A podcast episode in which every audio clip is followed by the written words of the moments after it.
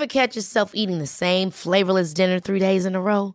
Dreaming of something better? Well, HelloFresh is your guilt-free dream come true, baby. It's me, Gigi Palmer. Let's wake up those taste buds with hot, juicy pecan-crusted chicken or garlic butter shrimp scampi. Mm. Hello Fresh. Stop dreaming of all the delicious possibilities and dig in at HelloFresh.com. Let's get this dinner party started.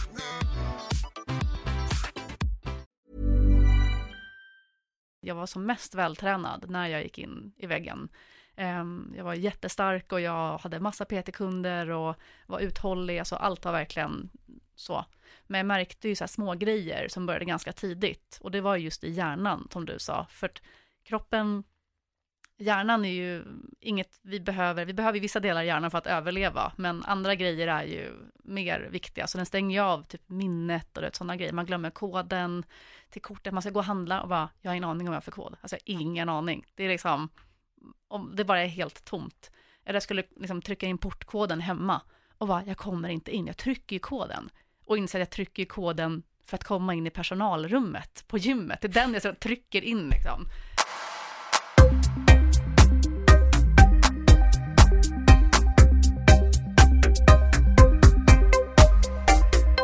Malin Hernström, välkommen till Pålöver Podcast.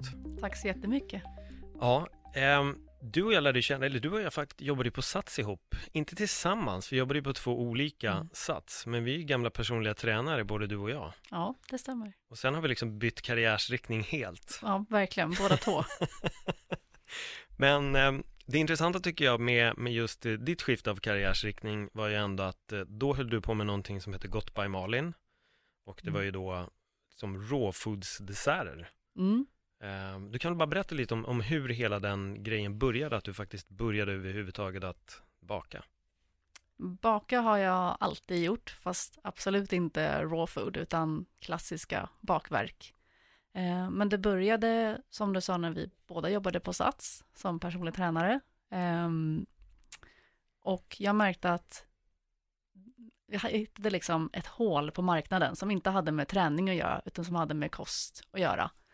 Um, Och det upptäckte jag när jag tränade mina personliga tränarklienter. Uh, och de flesta hade inga problem att, att komma till träningen och träna med mig. Det var egentligen bara att ta med vattenflaska och kläder och göra som jag sa åt dem att göra. Utan problemet kom ju sen, vad gjorde man när man inte var på gymmet? Och framförallt, vad stoppade man i sig och äta? Eh, och de flesta av mina klienter var kontorsmänniskor. Eh, och mycket som händer när man är på kontor är ju fika. Eh, vi brukar säga att vi i Sverige, vi tror inte på Gud, vi tror på fika och kaffe och kaka. Den, alltså våran fikakultur är ju, det är ju störst i världen. Det är liksom, det är det vi gör. Och eh, när man jobbar på kontor så är det väldigt mycket fika, både morgonfika och eftermiddagsfika och det är Eh, fika om någon fyller år, det är fika om någon slutar, det är fika om man har gjort ett bra jobb, det är fika hela tiden. Och det är ju oftast eh, prinsesstårta, kanelbullar, ja, det klassiska fikat. Men eftersom att vi bor i Stockholm så har ju många människor en annan lust att äta andra saker än, än bara kanelbulle både morgon och eftermiddag. Eh, Så jag märkte att vi hade liksom ett, en utmaning där, för många vill fika, de flesta vill fika, men alla vill inte äta det klassiska fikat två gånger om dagen. Det kanske man vill spara till på helgen någon gång, om man går på någons kalas. Men ska du jobba åtta timmar om dagen, du behöver ha energi och liksom näring, näringstäta livsmedel för att orka. Eh, så jag försökte ju promota liksom den här fruktkorgen då som, som kom in för ganska länge sedan, som skulle vara alternativet till kanelbullekorgen för de som ville ha något mer hälsosamt. Eh, men det är bara, liksom, let's face it, hur gott det är ett äpple till kaffet. Bara, Grattis, bra jobbat, här kommer en skål med ananasklyftor. Alltså det är ju inte, det är ju inte fika. Eh, och jag försökte verkligen vara den här hårda PTn som bara, tänk nu på dina mål som du har satt upp och ta med en näve nötter hemifrån. Det är jättegott och det är absolut inte svårt. Och det är ju inte svårt, men vi har ju någonting i hjärnan som, som sitter djupare än att bara tänka på sina långsiktiga mål. Vi har någonting som vi har haft med oss så länge och det är gemenskapen. Eh, och gemenskapen att få vara med, det är ju någonting som har gjort att vi har överlevt i alla tider. Och jag tror att det insåg jag först senare, att det sitter djupare än, än att se över sina personliga val just där och då.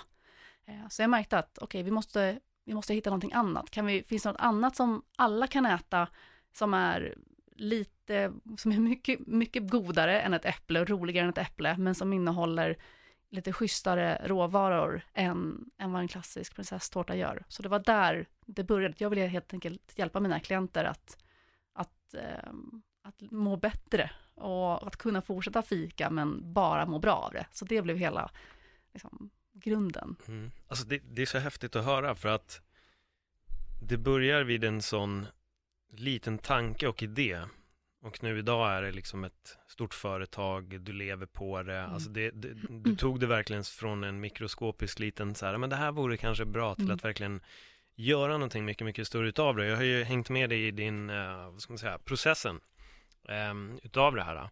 Men om vi bara går lite till och, och kollar när du säger så att man, man äter till exempel en bulle och så tar vi då de grejerna som du har som innehåller riktig, en, alltså positiv energi. Det andra innehåller också energi, mm. men det här innehåller bättre energi. Det innehåller mer näring, kan Exakt. man säga. Mm. Men vad är det de innehåller för folk som nu inte vet mm. vad det är du gör?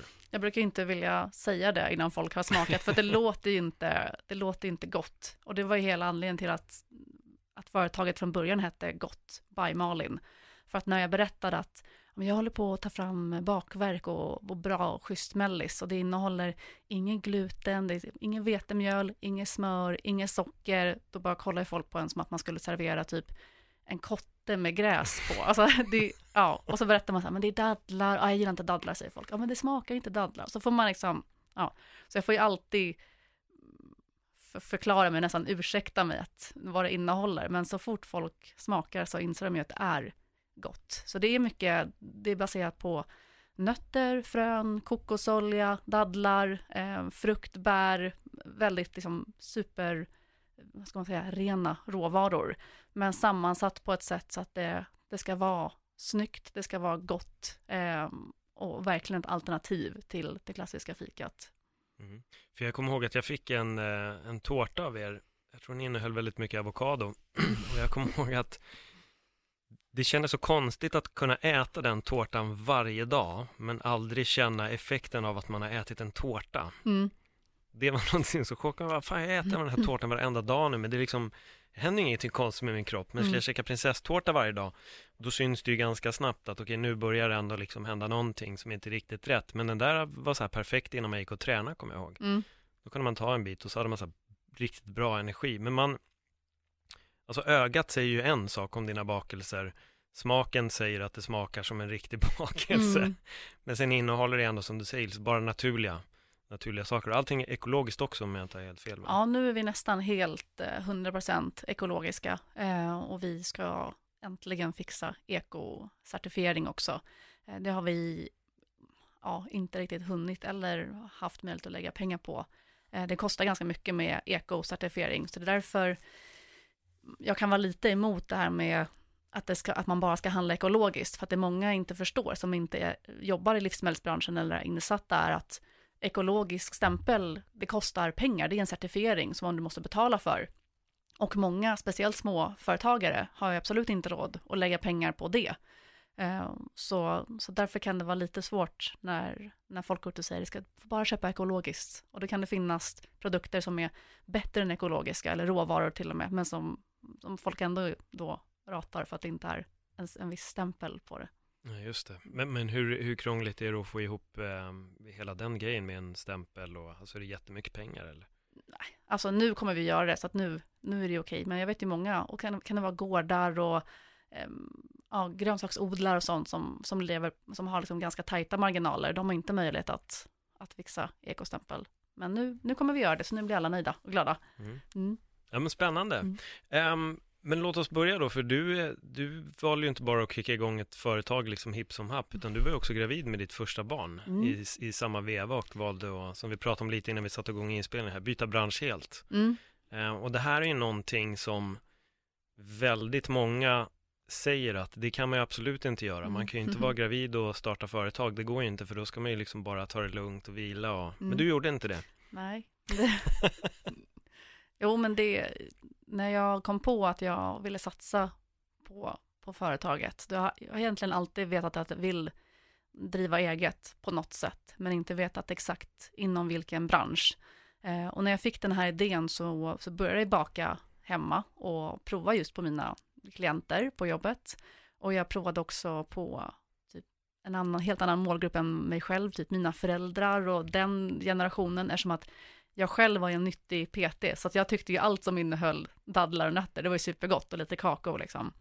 Ehm, men när jag märkte att även mina klienter och, och alla som inte var liksom PTs tyckte också att det var gott, så förstod jag att jag hade något, var något på spåren ehm, och gick runt, tänkte då, men det här måste ju finnas, det är ju Stockholm, då var det 2013, jag tänkte det här måste ju finnas på, det är ändå Stockholm, det ska ju vara den största moderna liksom, stan i Sverige. Eh, men, men det fanns ju ingenstans. Och det fanns ju då ett par liksom raw food kaféer som var väldigt så inriktade på att det skulle vara raw food allting och, och, och den biten. Men min idé var ju att, att alla skulle ha ett alternativ. Så att om man går till ett café, någon vill ha en vanlig kanelbulle, då ska den kunna få det. Någon tål inte gluten, någon tål inte mjölk, någon är vegan. Eh, och då är det sällan det finns någonting för alla och någonting som innehåller liksom, schyssta råvaror. Så jag varit lite, först besviken, men sen blev jag glad när jag insåg att fan, vi har ju, har ju någonting här. Eh, och det var då, då valde jag att säga upp mig. Jag var lite liksom redo att lämna den arbetsplatsen som jag var på då. Så att det föll sig ganska naturligt att, att ha ett litet break. Eh, och sen var det jag och min kille Jonathan då, som, som startade tillsammans. Han trodde också jättehårt på affärsidén Eh, och han kommer från flera startupföretag tidigare och kan lite grann den biten, medan jag var mer den kreativa sidan. Eh, och sen hade vi väl pratat om att vi ville ha barn. Eh, och då tänkte jag väl så här, ja men det tar ju ändå, när man, ändå, när man blir gravid, det tar ju ändå nio månader innan barnet kommer. Det är, det är ju långt i min värld, som jag gillar när saker händer ganska snabbt. Eh, och när jag väl har bestämt för mig för någonting så vill jag gärna, ja, som sagt, när jag kom på den här affärsidén så sa jag upp mig kanske en månad senare Eh, så att jag är, är väl en sån person och det är väl han också ganska mycket. Vi tänker så här, men det löser sig. Och det gör det ju oftast. Det kanske inte blir den enklaste resan, men det brukar lösa sig. Eh, så att eh, han var fortfarande kvar på sitt jobb, för vi behövde fortfarande ha någon som fick in pengar från början liksom, till hushållet. Eh, men ehm, jag blev gravid ehm, i, vad blir det då? Januari, februari 2014. Och i januari började vi bygget av, av det, den produktionslokalen, det bageriet som vi fortfarande är kvar i, som ligger i Lämna söder om Stockholm. Eh, så jag kommer ihåg att eh, vi, vi var där och verkligen fick rita upp allting från scratch och bara föreställa sig hur det skulle se ut liksom flera år senare, där vi är idag då. Men jag kommer fortfarande bilder, jag kommer ihåg hur man stod där, det var allt så här, hur, hur, hur ska det här gå till? Eh, och man visste liksom att det ligger lite frö där i magen som kommer komma ut. Det kommer komma ut en riktig person som vi, vi måste liksom ta hand om den. Eh, men det, de här nio månaderna gick ju extremt fort. Det gick ju så mycket fortare än vad vi hade tänkt och jag hade inte drivit eh, företag. Jo, jag hade haft ett, ett, en enskild firma tidigare, men inte liksom en riktig business. Så man har ingen aning om vad man håller på med. och speciellt inte i livsmedelsbranschen som, som vi då bestämde sig för. för att, ja men det är nog, hur svårt kan det vara? Det är ändå raw food, man ska ändå inte ha några ugnar eller liksom, man ska inte steka någonting, vi ska ju bara frysa ner allt. Så hur svårt kan det vara, tänker man. Jag minns ju faktiskt att vi var där ute. Just jag det. Ehm, hade mitt, eller vi finns ju kvar, men vi, vi hänger, vi är inte lika aktiva längre. Mm. Med streetworker-teamet Bar Mafia så bjöd ju Jonathan och du ut oss dit för att prova lite. Då var jag gravid. Precis, mm, precis. Och det, det var det som var så himla roligt, för jag minns verkligen, för jag, jag, jag minns inte vem som ställde frågan, kanske var Ella som ställde frågan så här, men hur gör du när barnet har kommit? Mm. Nej, men då kan han vara där bredvid mig och så kan jag stå och baka och...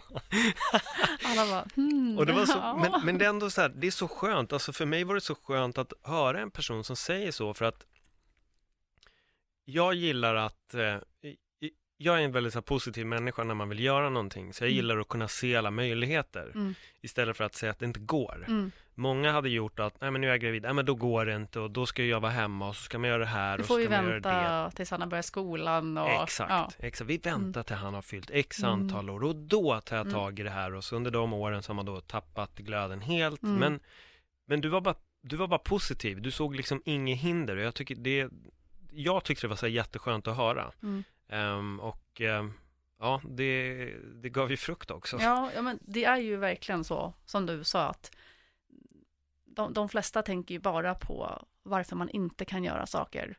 Eh, men alltså jag är väl mer naiv och tänker att det mesta löser sig. Och jag, jag hade alltid bakhuvudet på något sätt att om det skiter sig, då får jag gå tillbaka och vara personlig tränare. För det har, det har jag ju som yrke, jag har flera liksom, utbildningar och hade en, en karriär på gång, absolut, som personlig tränare, som många nog tyckte jag var helt knäpp, som bara, hur kan du bara ge upp det liksom? Eh, men, men det var därför jag vågade satsa tror jag också, för att jag visste att ja, men jag kommer ju märka inom första året om det här kommer bli någonting eller inte. Och att vara borta ett år från PT-branschen, det är inte så mycket. Så tänker, då, har jag, då får jag gå tillbaka. Liksom. Det, så det var där jag hade min livlina på något sätt. Och hade jag inte kunnat gå tillbaka dit, nej, då får jag väl skaffa ett annat jobb. Det är, ja, jag tänker att det jobb går ju alltid att få. Men att satsa på en affärsidé, det kan man inte göra så många gånger. Så det var nog därför som jag vågade, tror jag. Och sen, ja, jag hade ju inga barn innan. Jag tro, hade väl ingen aning om hur, hur det egentligen blir när barnet kommer. Då var det flera som var vänliga och påpekade det också, att man, man får inte alltid så mycket gjort när man har ett barn, Eh, ett litet barn med. Eh, och så var det ju också. Eh, men det var därför vi valde att anställa en person relativt tidigt, just för att jag visste att jag kommer ju amma ganska mycket där i början. Jag kommer inte kunna baka lika mycket. Så då valde vi att ta in en person väldigt tidigt som skulle hjälpa till i produktionen helt enkelt.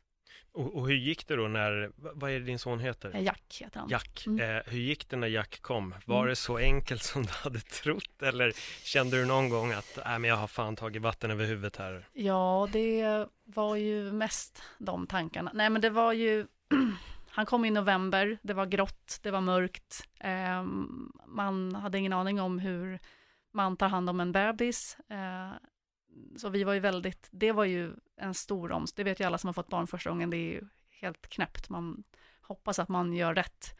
Eh, och jag mår ofta dåligt på hösten och det blev inte bättre av att Jack inte sov direkt så sammanhängande. Det var ju väldigt så finhackad sömn. Och alla som har haft sömnbrist vet ju hur smart man känner sig då. Så det hade ju, det hade ju räckt såklart att bara ta hand om, om sitt barn och inte då veta att ja, men det står någon i det där bageriet och försöker liksom producera det som är beställt och har också ett företag som är helt nystartat som verkligen behöver också tas om hand som en bebis nästan. Eh, så det var ju mycket tuffare. Sen, ja, det var ju man, man vet inte hur länge bebisar ammar till exempel. De, det, är inte en, det tar inte tio minuter, de sitter en timme i början. Och då kan man inte direkt baka. Så det var just bakningen som var svår att få ihop. Jag hade också tänkt så här, men han kan ju ligga, vi har ett kontor som är liksom precis i anslutning till bageriet. Och där hade vi liksom soffa och allt möjligt. Jag tänkte, här kan jag ju sitta och amma och sen kan jag lägga honom här och gå in. Och det hade jag kunnat göra. Problemet var att jag ville ju inte det, för han var ju så himla gullig. Så jag ville ju bara hålla i honom hela tiden, i princip. Så det blev ju verkligen som två små bebisar, men skillnaden är ju att, att Jack är ju den riktiga bebisen, så han har ju, han har ju alltid gått först. Eh, mycket mer än vad, jag, än vad jag trodde. Jag blev inte alls den här karriärpersonen när han kom, utan det var verkligen så här, okej, okay, han går först, alltid resten av tiden får gå till företaget. Men, men han har inte valt att liksom födas. Det är vi som har valt att pussla in honom i våra liv. Så för, för både mig och Jonathan har det varit självklart att han ska alltid gå först. Men, ehm, men det har gått ändå. Mm. Ja, det, det, har det verkligen gjort. Jag tycker bara att det känns som att när jag har följt er på sociala medierna och ehm, till och från, jag har ju sprungit på Jonathan lite mer än vad jag har sprungit på dig, men jag är mest i Länna i bageriet. Exakt. Jag hänger i grottan där mest. Precis, men jag tycker ändå att man, alltså, det har ju hänt väldigt mycket. Nu när, när Jack har blivit lite äldre, hur känns det nu att jobba med företaget och eh, ja, ha barn? Nu känns det ju, nu är det ju otroligt mycket lättare. Han fyller snart fyra i höst och han går på förskolan och det gör ju att man får ju loss extremt mycket mer tid. Och eh, när han var liten, då då, då, han fick ju följa med på grejer. Han var ju, förutom att han sov, inte sov på nätterna så bra, så var han ju väldigt problemfri. Han hade inget ont i magen eller var kinkig på något sätt, utan han hakade på. Så han har ju varit med på, förutom att han varit med liksom på jobbet i, i Länna i bageriet, så har han varit med, jag har haft honom på säljmöten och tagit med honom på massa olika grejer och alla tycker bara att han är supergullig. Så bästa säljknepet kan jag säga, ta med en bebis. kan också vara så här att de tyckte synd om mig och bara, åh nej, vi måste stötta den här stackars mamman nu som måste få allting att gå runt. Eh, men jag har ju liksom, ja, ammat i bilen, bytt blöja i bilen och tagit med honom överallt och aldrig haft något problem med att, att han är med. Um, det har bara varit kul tycker jag. Jag hade nog inte mått bra om jag bara hade varit en hemmamamma. Det hade nog inte jag mått bra. Sen behöver man inte ta det så extremt att man startar företag samtidigt, men, um, men nu när han är äldre så men det är ju, det är ju mycket lättare. Och det, men nu är det framförallt för att vi har ju ett, ett riktigt företag nu som vi har byggt upp. Så det, är ju, det finns ju strukturer och vi vet hur allting, hur vårt företag funkar. I början var ju allting kaos och vi visste inte, man vet inte någonting. Så det, det, är, väl den, det är väl de två stora grejerna, han går på förskolan och att vi har ett, ett företag som faktiskt rullar på nu lite mer. Hur många anställda har ni idag? Nu har vi totalt tio anställda och vi har ju både, det är ju både i bageriet där vi har vår liksom, stor produktion eh, och sen har vi också ett café nu i, i Hornstull som heter Stockholm Rå som vi köpte för, är det två år sedan? Ja, nu är det två år sedan snart. Eh, så vi har ju två verksamheter. Hur fördelar du tiden på de, på de två? Mm, jag försökte ju fördela tiden jämnt mellan de två och märkte ju, det tog några månader innan jag insåg att det här går ju inte. Jag, för mig funkar det inte att vara på två ställen samtidigt. Det funkar kanske inte för någon, men jag behöver, jag, det blir för mycket, alltså för mig. Um, jag har tidigare haft problem med stress och har gått in i väggen och det här klassiska, liksom, man vill göra allt. Så att jag märker direkt när det blir för mycket för mig. Så att nu är det mer att Jonathan är på kaféet. Men vi har också anställt en, eh, vad ska man säga, manager på kaféet som sköter liksom, den dagliga driften och hon är så sjukt duktig eh, och ser till att allt rullar på. Och sen träffar Jonathan henne och har kontakt med henne flera gånger i veckan och ger henne liksom, det stödet och den hjälpen som hon behöver. Medan jag är mer, jag är i bageriet och ser till att allt rullar på där. Mm. Mm. Jag är lite nyfiken när du ändå säger det med att du har gått in i väggen. Är det någonting mm. som hände under tiden med det här företaget eller är det någonting som hände tidigare? I... Eh, nej, det hände tidigare. Det hände när jag mm, typ precis hade kommit igång ordentligt som personlig tränare. Och eh, då var jag singel och lite yngre och fortfarande ännu mer naiv kanske då. Eh, och ja, men som du vet, när man jobbar på en stor träningskedja, det är en speciell kultur. Och det är kanske inte den mest hälsosamma kult kulturen, även om det ser så ut. Utifrån så var det ju vi personliga tränare som var, men nästan som om man kollar på gladiatorerna, det är ju många av gladiatorerna som är personliga tränare också. Mm. Vi ser ut som personer, alla är liksom superrippade och fräscha och klarar allt, ser det ut som. Och, och det var ju den, den världen jag klev in på och tänkte att då måste jag också vara så. Jag tänkte inte alls då på att vara, eh, bara känna, men hur, hur vill jag vara? Hur vill jag uppfattas av mina klienter? Hur, hur är hållbart att leva? Um, vilken förebild vill jag vara för de som kommer och vill träna? Utan jag, tänk, jag såg ju bara på mina kollegor och då jobbade jag också på ett av de största centren i Stockholm och det som var mest liksom, coolt att jobba på. Så då tänkte jag bara, det enda alternativet var ju att vara som som mina kollegor som var erfarna och ja, i mina ögon de här gladiatorerna liksom. Um, så, um, så från, från 0 till 100 och verkligen, ja men du vet ju du själv att köra igång och få klienter, för många tror att när man jobbar på Sats som personlig tränare, ja men det är en stor träningskedja, det är väl bara, de ger väl dig kunder, det är väl liksom, det är väl inga, men det var ju, det är ju verkligen som att vara egen företagare, du får ju ingenting, du får ju bara betalt för de timmarna som din klient kommer och jobbar. Får inte ens betalt när de har cashat sina timmar, utan bara när de kommer och faktiskt tränar med dig. Och det är upp till dig att se till att de kommer tillbaka igen och igen och igen och inte bara går när de där första sex timmarna är, är liksom färdigtränade.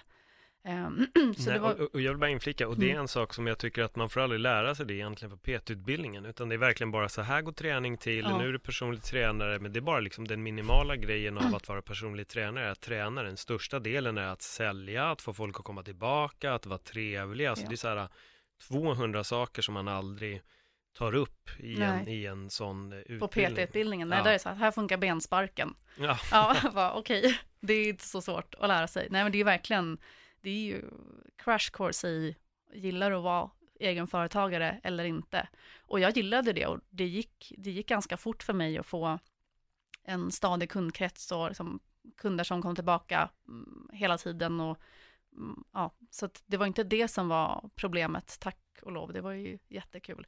Utan, men för mig blir det ofta att när det går bra, det är då det blir för mycket, för då är det som att man, man känner sig som den här äh, odödliga liksom, superhjältepersonen och man kunde gärna träna två pass om dagen och ha lite fler PT-klienter om dagen än som vad som räknades som heltid. Det är så här, om du har så här många klienter om dagen, det är heltid. Då tänkte man så här, ja ja, men det är ju för vanliga PTs. Jag är ändå liksom superhjälte-PTn, då kan jag ha två till om dagen. Plus, eh, varför ska jag ta tunnelbanan till jobbet? Hallå, jag väl ingen liksom larvig kontorsmänniska, jag är ju inte lat liksom.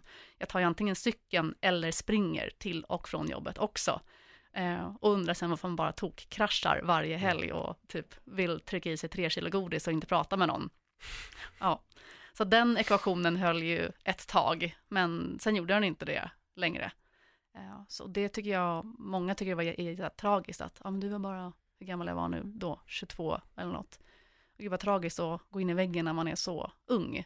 Men jag är nästan glad att jag gjorde det då, när jag hade, vad ska man säga, mer möjlighet att göra det. När jag var singel, jag hade inga barn, visst jag hade min lägenhet som jag behövde betala för, men det innebär att nu, jag, liksom, jag har gjort det, jag är klar med det. Jag vet vad som händer när man pushar för hårt och det är inte, det är inte värt det. Och det är ingen som, alltså, det är ingen som bryr sig om du har sprungit till jobbet och kört två pass om dagen och jobbat alldeles för mycket. Det är ingen som kommer liksom klappa dig på axeln för det. Och de som gör det, de är inte friska de heller. För att man var ju inte frisk. Alltså, vad man nu vill kalla det för. Man kan bara säga att man, det är inte friskt att hålla på. Så. Nej, och det är ingenting att se upp till heller. Nej, absolut inte. Jag, det, jag lyssnade på ett väldigt intressant podcastavsnitt faktiskt om sömn. Hur mycket det är, hur viktigt det egentligen är och hur små saker som rubbas i vår sömn verkligen förstör för oss och egentligen dödar oss på sikt. Mm. Men jag är också lite fascinerad över det. Jag, jag blir inte imponerad av folk som snackar om hur jävla mycket de har jobbat och de är uppe i så här många timmar per dag Mm. och, och det är det. Och det är så här, okej, wow, men Mm. ditt eget liv då? Vad är det du egentligen Exakt. kämpar för? Som du säger också på ett vanligt företag, alltså om det inte är ditt eget företag, då vet jag inte varför man liksom håller på och sliter ihjäl sig. Nej. Eh, jag tycker det är väldigt mycket, mycket snurrigt och jag hamnade själv där att man började jobba väldigt, väldigt mycket. Men jag minns en gång när jag också hade bokat in, jag tror jag hade nio PT-kunder på en dag. Sista PT-kunden var jag tvungen att avbryta. Och som tur var det en gammal kollega till mig på, på en gammal kollega till mig, men hon sa det, hon bara, du hör inte vad jag säger va? Mm. Jag bara, nej alltså jag är ledsen men ingenting av det du säger just nu går in. Mm. Alltså min hjärna hade bara, den hade stängt ner. Mm. Och hon försökte förklara grejer, jag bara, nej men du, att det här går inte. vi, eh, du, vi, vi får köra en annan dag. Mm. Jag bara, jag, jag, jag, jag, jag klarar inte av mer nu. Hon fattade, men, Mm. men där märker man också hur farligt det är. För jag tror att många också har ett naivt tänkt om då PT-yrket till exempel. Att som du säger, det är bara att gå in, du kommer få hur mycket jobb som helst. Det är Mm. skitsimpelt, men Det är bara att sitta där och säga åt dem att göra armhävningar Ja, typ. Men ett vanligt kontorsjobb, du kan titta på din mobil, du kan titta på en mail, du kan bara zona ut rakt fram i, Ta i en tomma kaffe och luften. chilla lite. Ja, som Mm. Peter kan du inte det. När Nej. det är den timmen, då är det 100% fokus i en timme tills den kunden har gått och sen är det nästa person. Mm. Ibland bokar man upp så många så att man aldrig har ett liten paus. Och Mm. Du får inte de här naturliga små avbrotten. Men vad var din liksom, signal när du märkte att du hade bränt, eh, bränt ut dig? Mm. Men kroppen är ju helt fantastisk och den säger ju till att det, att det är för mycket. Men det lyssnar man ju inte på och det är då man får liksom fler och fler signaler. För mig gick, eh, nu när jag börjar känna stresssymptom så är det ofta mer att jag kan känna mig väldigt trött till exempel och få mer sådana liksom fysiska reaktioner. Men eh, när, jag, när, jag, när det var första gången, då kunde jag träna väldigt hårt. Alltså jag tränade, jag var som mest vältränad när jag gick in i väggen. Ehm, jag var jättestark och jag hade massa PT-kunder och var uthållig, alltså allt var verkligen så. Men jag märkte ju så här små grejer som började ganska tidigt och det var just i hjärnan som du sa, för att kroppen hjärnan är ju inget vi behöver, vi behöver vissa delar i hjärnan för att överleva, men andra grejer är ju mer viktiga, så den stänger ju av typ minnet och sådana grejer, man glömmer koden till kortet, man ska gå och handla och bara, jag har ingen aning om vad alltså, jag har för kod, alltså ingen aning, det är liksom, om det bara är helt tomt, eller jag skulle liksom trycka in portkoden hemma och bara, jag kommer inte in, jag trycker ju koden. Och inser att jag trycker koden för att komma in i personalrummet på gymmet, det är den jag trycker in liksom.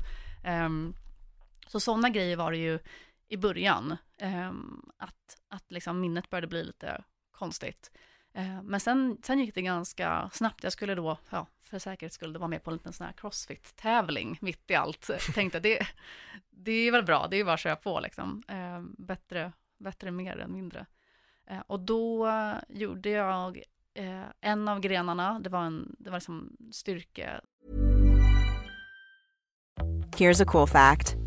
A crocodile can't stick out its tongue. Another cool fact you can get short term health insurance for a month or just under a year in some states. United Healthcare short term insurance plans are designed for people who are between jobs, coming off their parents' plan, or turning a side hustle into a full time gig. Underwritten by Golden Rule Insurance Company, they offer flexible, budget friendly coverage with access to a nationwide network of doctors and hospitals. Get more cool facts about United Healthcare short term plans at uh1.com. Ever catch yourself eating the same flavorless dinner three days in a row? Dreaming of something better? Well, HelloFresh is your guilt free dream come true, baby. It's me, Gigi Palmer. Let's wake up those taste buds with hot, juicy pecan crusted chicken or garlic butter shrimp scampi. Mm. Hello Fresh. Stop dreaming of all the delicious possibilities and dig in at HelloFresh.com. Let's get this dinner party started.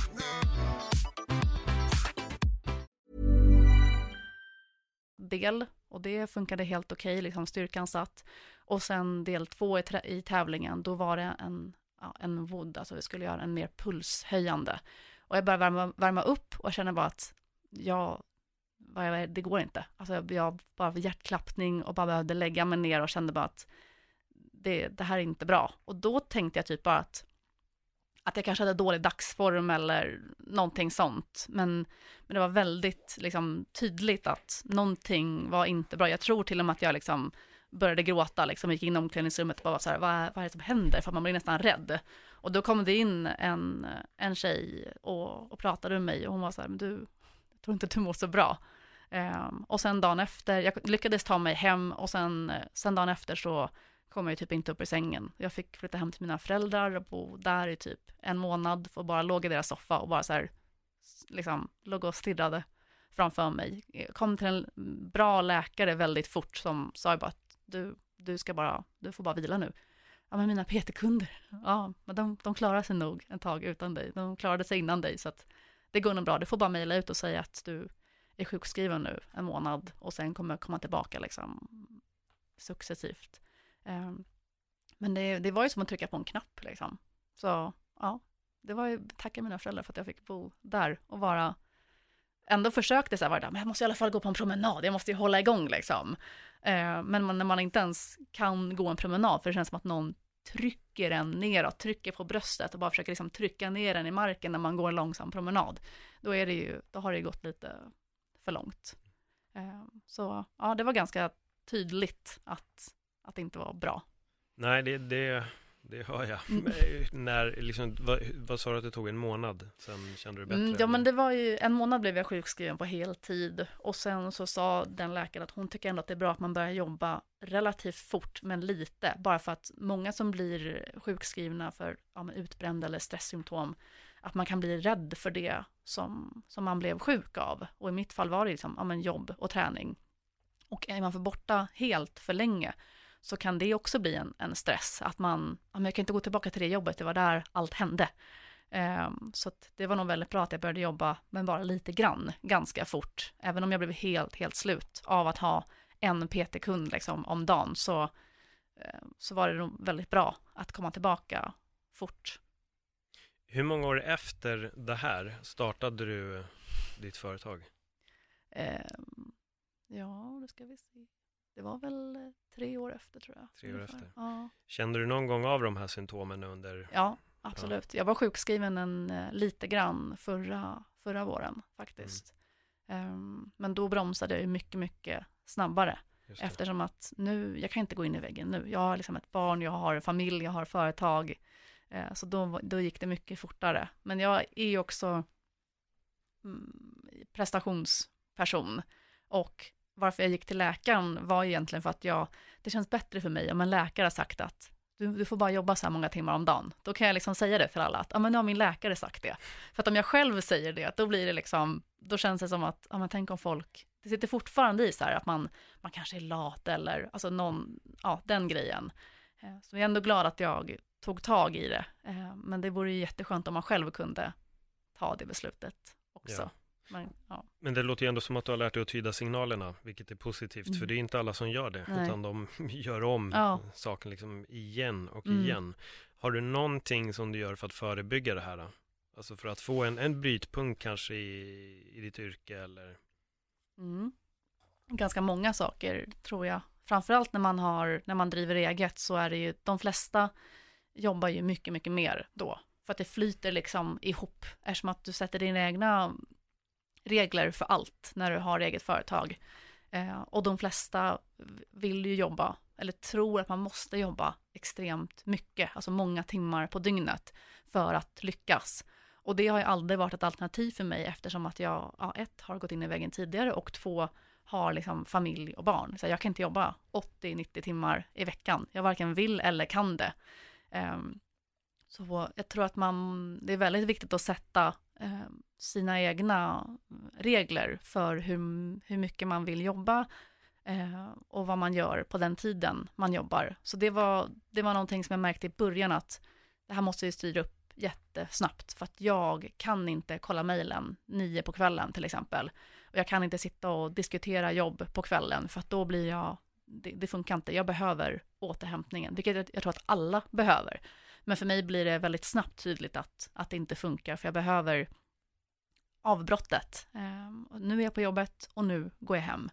Eh, och när man är hemma, då är man hemma. Sen eftersom att jag lever med min businesspartner också, så blir det såklart att vi, såklart pratar vi jobb ibland hemma, men det är mer avstämningar att, jag tänkte bara dubbelkolla, vad har du för möten imorgon? Jag ska dit och dit. okej, Okej, när ska du till jobbet imorgon? Att vi stämmer av sådana saker, snarare än att vi har planeringsmöten eller sånt, det har vi ju aldrig, det har vi på jobbet när vi jobbar. Eh, så den grejen tror jag är skitviktig faktiskt, att bara våga separera, för att ingen kommer bli sur för att du inte svarar på mejlen klockan åtta eller nio eller tio på kvällen. Och får ett mejl så sent, då är det väl för att någon annan är stressad hemma och, och liksom, oh shit, jag måste skicka det här mejlet, jag gör det nu innan jag glömmer det. De förväntas inte att du ska svara, de vill bara själva få iväg det mejlet. Eh, så att våga liksom, även om det är en liksom, möjlighet till en ny kund eller vad det nu kan vara. Du kan svara imorgon när du, när du är på jobbet. Det kommer inte vara något, det är inget konstigt. Även om vi ska vara uppkopplade jämt så tror jag att det är jätteviktigt att bara våga vå- våga vara på jobbet när du är på jobbet och när du är ledig, då är man ledig. Ja, Så eh, det tror jag är nummer ett. Mm. Jag tror inte ens att det är en tro. Jag tror att det är lite så konsensus över Mm. folk som forskar på just de här sakerna. Att Mm. det gäller att kunna stänga av. Mm. Och, eh, jag, håller, jag, jag håller med dig en grej. Jag kan också ibland skicka mejl sent till Mm. folk. Men jag kräver inget svar då. Nej, För du gör det för att du det- vill bli av Jag vill med bara det. bli av med det. För jag vet Mm. att jag kan lika gärna glömma det. Så då skickar jag det liksom direkt så att jag bara har det gjort. Och ibland Mm. brukar jag faktiskt skriva att det är helg nu. Du kan besvara det här på måndag. Ja, du behöver det inte besvara det nu. Liksom. Mm. Eh, Men det handlar bara om för mig att bara få ut det. Mm. Men, men jag tror att det är svinviktigt och det är så jävla, det är lite obehagligt också det här med hur vi har det nu. Vi är uppkopplade konstant till Mm. sociala medier, vi har Ja. våra mejl, det plingar i telefonen, man kan Mm. smsa. Förr i tiden var folk liksom bokstavligen tvungna att ringa hem till folk. Mm. Det, Eller skriva skit brev. Du har fått, nu har du fått en inbjudan. Osa senast den. Nu är det så här, osa senast inom en minut. För jag vet att du är inloggad. Jag ser att du är online. exakt, exakt. Det där tycker jag är så obehagligt med att alla hela tiden kan se när man är online. Ja, det var ganska nyligen på Instagram tror jag som man kan se att folk är online. Jag tycker det är, ja, Ja, men det är också en grej med, vi har ju använt sociala medier jättemycket för, som marknadsföring. Eh, Instagram och Facebook har ju varit an, alltså största anledningen till att vi har nått ut överhuvudtaget. Så det har ju varit sjukt bra. Eh, men det använder vi ju strikt bara som inom företaget. Och jag har ju tänkt många, många gånger att jag ska ha ett sånt, ja vad ska man säga, ett, ett konto där jag syns lite mer också, som väldigt många har och som jag själv tycker är kul att följa. Man vill se liksom personen bakom. Och vi har diskuterat det mycket ja, inom företaget, att det, det vore bra om, om jag var liksom den här profilen som folk kan se, liksom följa mitt liv och, ja men som du sa, just det, hur gjorde du när du, alltså hur funkar det med familjeliv och, mm. och business?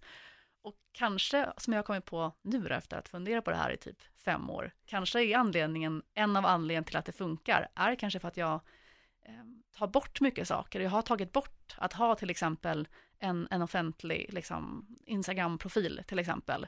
Och jag har försökt flera gånger att, att lägga upp mer, mm, både på mitt konto men också på liksom, Unbakerys konto, att följa med mig en dag på jobbet och liksom se vad jag gör behind the scenes. Och det tar ju bara en vecka och sen har jag sån pulspåslag att det liksom, då blir jag så stressad. Så det, ja, det skulle vara kul om det passade mig, för jag tror att vi skulle vinna jättemycket på det, alltså i business-sammanhang. Men det, just nu i alla fall och hittills så, det, det passar inte mig, det funkar inte alls. Jag tror att många blir jättestressade, alltså även de som har stora konton eh, blir väldigt stressade, just för att det är ju tillgängligt hela, hela tiden och du ser direkt, det plingar till, man har fått likes, även om man inte vill så går man in och kollar, hur många har likat den här bilden nu? Nej, den fick inte lika många som förra, varför inte? Var inte det intressant nu eller? Alltså man börjar ju analysera och många skulle inte ens behöva ha, alltså i alla fall de som har en business eh, som inte kretsar kring ett Instagramkonto. De skulle inte ens behöva ha den här liksom, offentliga profilen. Fokusera bara på business, som det var förut. Då hade man ju sin business. Men nu är det konstigt om man inte har, eh, visar upp vad man åt till lunch liksom. Ja, men, nej, jag gjorde inte det för att jag åt bara lunch och sen gick jag och jobbade med det som är mitt jobb liksom. Jag, jag, men jag håller med, alltså jag, jag har talat om det här flera gånger i, i min podd och det, mm. jag har en extrem hatkärlek till sociala medier. Ja, för det är också fantastiskt bra, men ja. För att, för att jag kan känna också, jag var i en period i livet där jag kände att jag ville distansera mig mer och mer från sociala medierna, för jag kände att de checkar upp min tid. Mm. Alltså ibland, jag kan stänga av telefonen och lägga den i bokhyllan bara och, och sätta mig och läsa en bok eller titta på TV. Hur vet du då om folk gillar dig? Ja, exakt, exakt. Men det är så här, jag måste göra det för att jag mm. kan bli frustrerad ibland bara av tiden när man sitter och gör ingenting. För Instagram är en expert på att man går in på en grej och så nästa grej och nästa grej och exakt, nästa grej. Exakt, det är hela... Sen har det gått så här, mm. oj, det är fyra timmar här nu. Mm. Och jag är inne på någon pysselkonto i Japan som gör typ så här mat som ser ut som djur. Man bara, vad är det jag, vad håller jag på med? Alltså. Nej men det, det är sjukt, det är mm. sjukt. Men jag tror ändå lite det du var inne på, att du kan ju fortfarande göra de här grejerna på det kontot. Mm. Att man får följa med liksom kvinnan bakom mm. Bakery under en dag via några Instagram stories eller någonting. Så här gör jag, mm. tack, tack, tack. Så jag tror ändå att du skulle kunna utnyttja den grejen där. Mm. Men jag tror att det är nog rätt det du gör, att kanske inte ha en egen profil. Just för mm. att också kunna distansera dig. Eh, kanske att någon av de anställda skulle sköta de grejerna åt dig så att du mm. själv inte behöver göra dem. Ja, för det, det är också en grej, vi måste ju lägga upp snygga bilder. Och det är ju, ja. Det är en talang jag inte har, det är att ta snygga bilder. Och det är någonting som jag inte är intresserad av att lära mig heller, mm. men som är superviktigt för att ha ja, men, den typen av konto som vi har, lägga upp liksom, så att våra bakverk ser riktigt goda ut. Men nu har vi ju eh, en tjej som är superduktig på att fota, som älskar att fota. Då får hon fota. Liksom, varför ska jag fota om hon älskar det och är superduktig på det? Mm. Och det är en annan grej som, om man går in på eh, hur, hur man ska minska stressen när man driver företag, så är det just att att våga delegera, tror jag, att inte tänka att man måste göra allt själv. Och ofta tror jag när man startar företag så kanske man är en sån person som gillar att ha kontroll på allting. Men där måste man våga släppa. Och istället för att jag då ska gå en fotokurs för att jag ska kunna säga att ja, men det jag fotar alla bilder, varför ska jag, det, har, det finns ingen anledning. Då kan någon annan göra det som, som tycker att det är kul och är, är grym på det. Eh, och så är det ju med med allt i företag, speciellt om man ska växa lite grann. Du kan inte göra allting själv, för att man kan omöjligt vara bra på allting. Och i vårt företag så behöver vi allt ifrån, ja, någon som fotar, alltså förutom, förutom då liksom produktionen som är ju given, som folk tror att det, enda jag gör på jobbet är att stå och baka. Det är, som, ja, det är en av tio yrken som man har. Sen är det liksom, ja, någon ska ansvara för personal, någon ska ansvara för sälj, sen är det marknadsföring, det är bokföring, eh, det är inköp, det är produktplanering, eh, liksom planering, det är, det, det är hur mycket som helst, sociala medier. Vi har ju liksom minst tio, tio yrken som inte jag ska göra allihopa av, har jag då insett nu. För jag kan inte vara bra på tio saker, jag ska inte vara på tio saker, ingen kan göra tio yrken bra. Utan det gäller att hitta då, okej, okay, vi som jobbar här nu, vi, hur kan vi dela upp det här på ett bra sätt, så att alla får göra det de är bra på. Och det vi inte är bra på, nej, då får vi som betala någon annan för att göra det. Eh, dels för att vi som driver det ska må bra, men också för att företaget kommer aldrig gå bra annars, om man ska vara besatt av att, att göra allting själv. Det, det går inte. Så varit... gör ju ingen. Alltså, nej, nej. Inget stort företag gör ju så. Nej, och det är nog lite som du säger, de företagen som gör det också blir aldrig stora företag. Nej, då fastnar man på det här familjeföretagsnivån och jobbar jättemycket och sliter ut sig och så tycker man bara att ja, jag bara jobbar hela tiden och får ingenting för det. Nej, då måste man ju göra något annorlunda. Varför tror du att folk är rädda för att släppa taget? För att man vet inte hur man ska göra.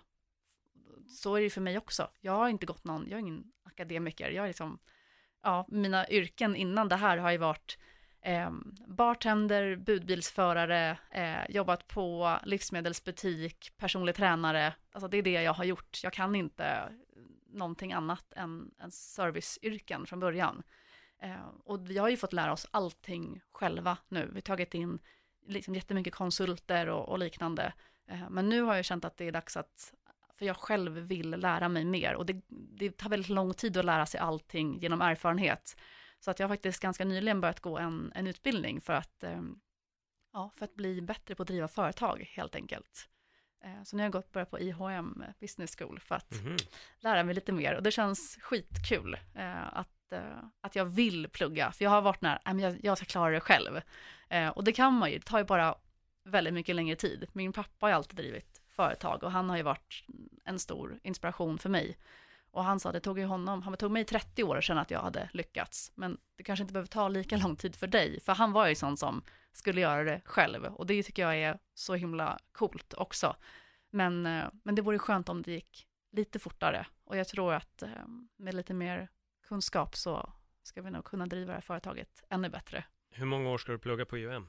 Eh, det som är bra med IHM är att de kom ju till för att, nu ska jag göra lite reklam för dem, men jag tycker, nu har det inte gått klart, men jag tycker det verkar vara skitbra just för att man kan gå så lite eller mycket man vill. De har heltidsutbildningar, men de har, deras grundidé är att ha utbildningar som du kan gå bredvid ditt liksom, nuvarande jobb.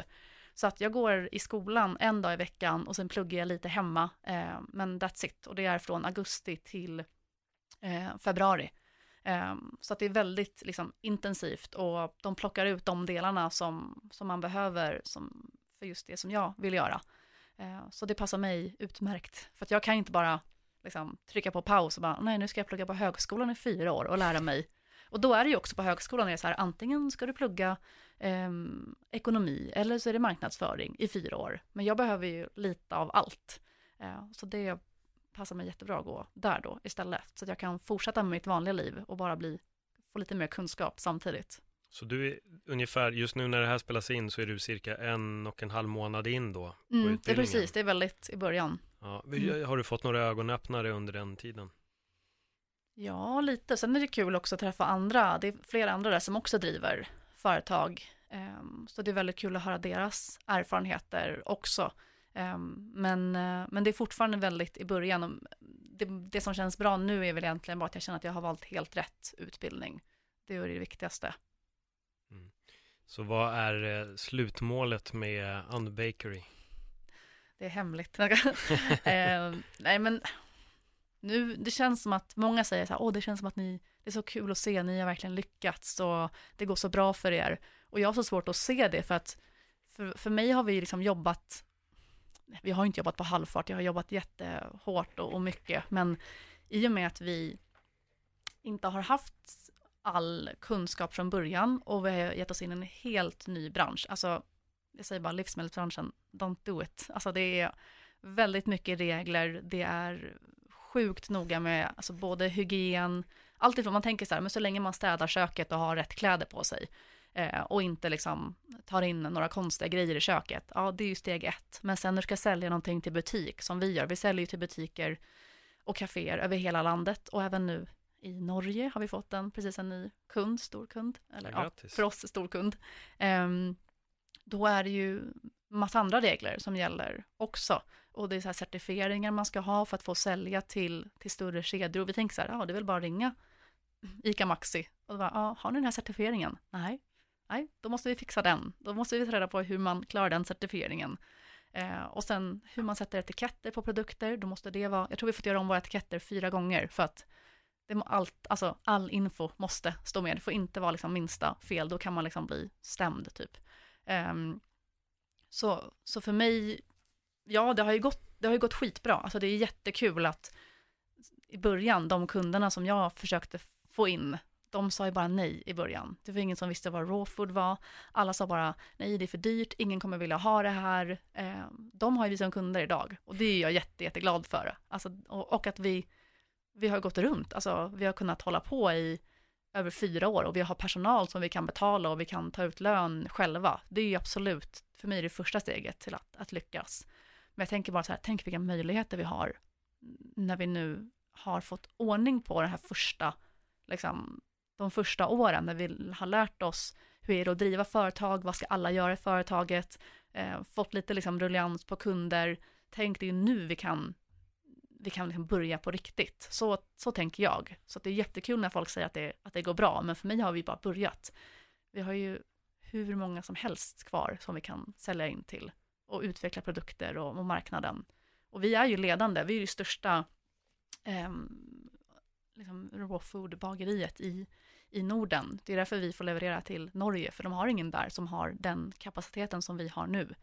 Och det är dels att vi har en stor produktionslokal, men också att vi har jobbat i över fyra år med att ta fram de här recepten som är, de är unika för oss. Det är ingen, ingen som kan våra recept. Det är liksom, det är de bästa recepten, de har vi tagit fram helt själva. Eh, och de ska vara goda, det ska vara hållbara ingredienser, det ska vara liksom ekonomiskt försvarbart från alla håll.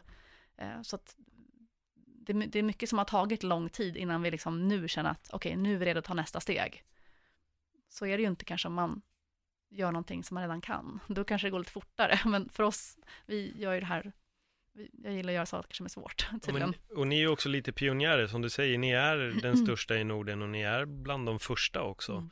Uh, och nu säger inte jag det här bara för att det är ni, men jag har ätit era produkter och jag har ätit andra produkter och jag kan tycka de andra produkterna innehåller bra saker men de smakar sällan lika gott. Mm. Utan det är bara okej okay, jag åt en råboll men man har bara käkat en råboll. Du åt den för att vara nyttig, inte för att den var god. Nej men precis, men mer mm. så känner jag ändå att det, det, ger alltid någonting mer att äta era grejer. Så jag kan förstå att mm. ni har en möjlighet att sticka över med era grejer till till Norge. Mm. Det tycker jag också är en stämpel på att det är bra produkter.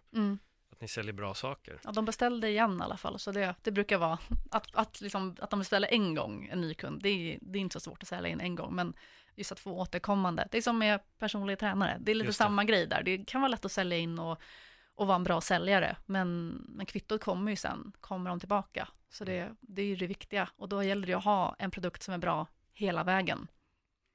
Tror du att det, ni kommer att behöva bygga ut ert bageri snart? Um, alltså utmaningen är nu att vi har ju, vi har ju stort frysrum, vi fryser ner allting. Det är ju en enorm fördel som vi har att vi, eh, vi fryser ner allting som vi kan ju ha som ett litet fryslager, vilket vi aldrig har för att vi tömmer lagret varje vecka för att det går åt. Men, men det är i alla fall planen. Um, så det är det som tar mycket plats. Det är ju lagerhållning av färdiga produkter och pågående produkter.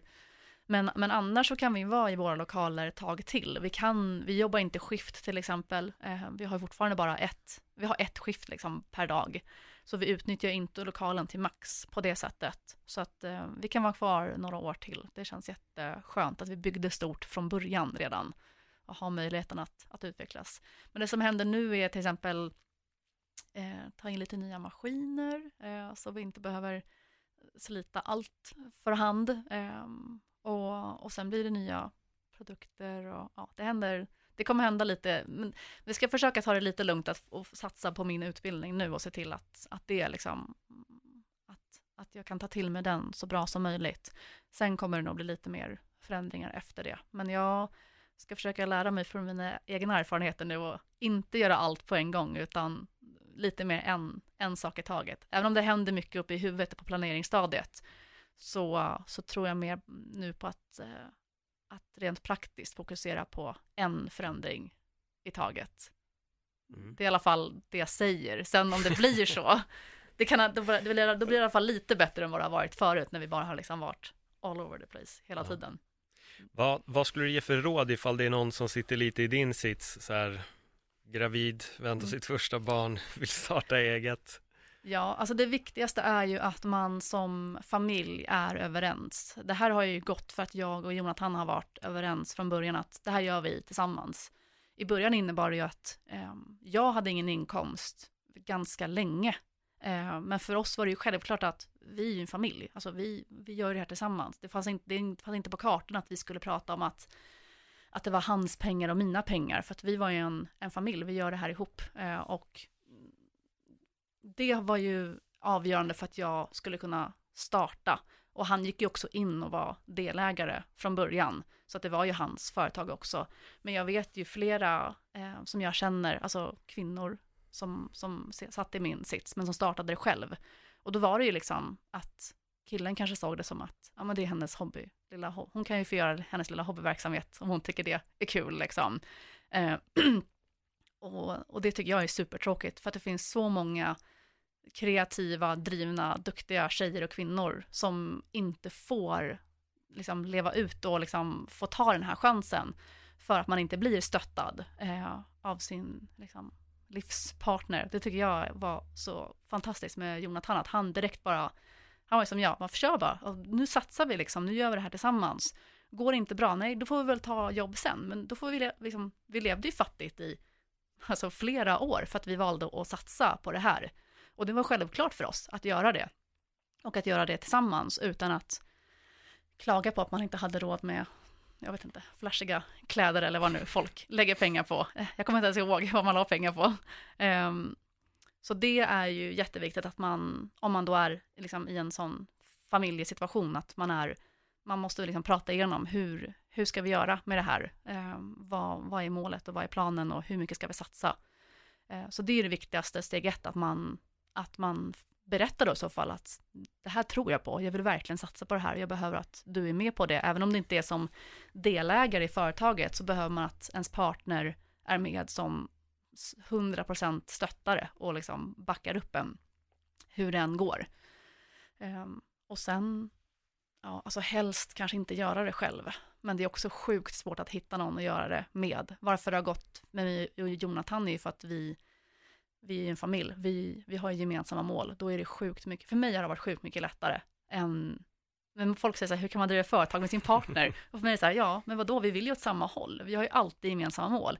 Medan som du driver det med, som många gör, man startar företag med en kompis, det var dömt att misslyckas. Det kan jag tala om av egna erfarenheter också, tyvärr. Ja, den eh, arbetspartnern är nog eh, mycket viktigare än vad många tror. Mm, verkligen. Eh, Men det är all, alltid liksom, ta in hjälp om man, om man behöver och gör inte allt själv. Men våga bara, våga köra. Så, så säger jag egentligen. Jag har en sista fråga bara.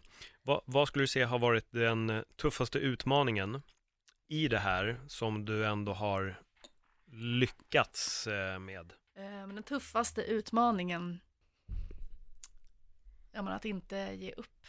Att bara våga, våga fortsätta och inte heller tro att man ska lyckas liksom på första försöket eller första året. För det gör nästan ingen. Ehm, Ja, bara när det känns jobbigt liksom, prata med sina kollegor, prata med sina investerare, prata med sin partner och bara gå och lägg dig. Imorgon är det en ny dag. Det har jag kört många gånger. Det var okej, nu går jag bara och lägger mig. Det är ingen fara. Imorgon är en ny dag. Mm. Så tålamod. Verkligen. Inte min starka sida, men man tvingas att ha det som sin starka sida. Ja. Men Jonathan är kanadensare, de är väl födda med tålamod. De säger det. Malin, tack för ett eh, bra samtal. Tack Eh, själv. det är inspirerande faktiskt att lyssna på din historia om hur du ändå, ja, som sagt, gravid, skaffade barn, skaffade företag i en, lite innan du skaffade din son. Japp. Mm. Eh, planerar ni fler barn kanske och fmer företag? Kanske Ja. ni tajmar ihop det där liksom? Det blir nog kanske ja, men vi planerar ett till barn. Mm. Vi valde att vänta lite eh, av, av uppenbara anledningar nu som ni kanske förstår, eh, ni som lyssnar. Man kan vänta lite mellan barnen i alla fall. Det kan jag rekommendera. Ett barn är, det funkar. Det är liksom, då kan man ta hjälp av mormor och morfar och allt sånt där. Det funkar med ett barn. Men vi valde att vänta lite med andra barnet för att, eh, för att det ska bli en hållbar familjesituation helt enkelt. Och ett företag som, som kan få börja rulla på lite först. Mm. Men det är planen. Och fler företag, ja, vi håller oss till det här tills vi känner oss klara med det. Mm. Mm. Härligt. Om folk vill, eh, liksom, var, var hittar man Unbakery? Via hemsidor eller ställen? Ja, men roligast är nog att följa oss på Instagram. Då heter vi unbakery understreck Sweden. Man får jättegärna komma och handla i bageriet. Vi ligger i ett industriområde i Länna. Man kan tro att man har åkt fel när man kommer till oss, men där är vi. Eh, på Lyftkransvägen 15. vi är där på alla vardagar, så man får jättegärna komma och handla och, och bara kolla vad vi gör. Eh, annars så är ju vårt café i Hornstull öppet eh, sju dagar i veckan och där har vi ju sjukt god veganmat, jättefräscha wraps, eh, sallader, eh, pannkakor och brunch på helgen eh, och där finns också hela vårt tårtsortiment och jättegullig, jätteserviceinriktad personal. Så vill man komma och liksom kolla behind the scenes så kan man komma till Länna. Vill man ha en mysig, trevlig, härlig upplevelse då går man till kaféet i Hornstull.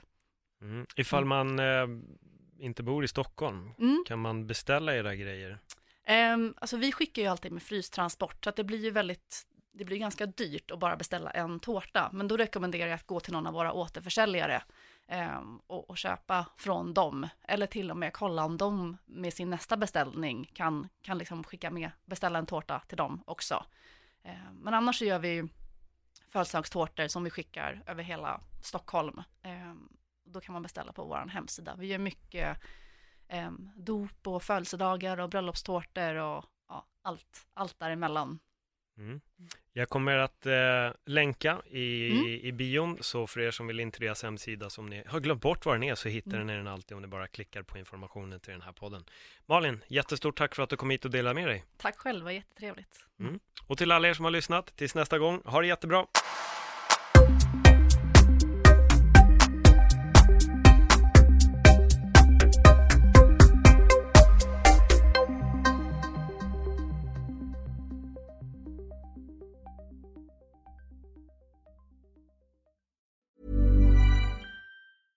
Ever catch yourself eating the same flavorless dinner three days in a row? Dreaming of something better? Well, HelloFresh is your guilt-free dream come true, baby. It's me, Gigi Palmer. Let's wake up those taste buds with hot, juicy pecan-crusted chicken or garlic butter shrimp scampi. Mm. Hello Fresh. Stop dreaming of all the delicious possibilities and dig in at HelloFresh.com. Let's get this dinner party started.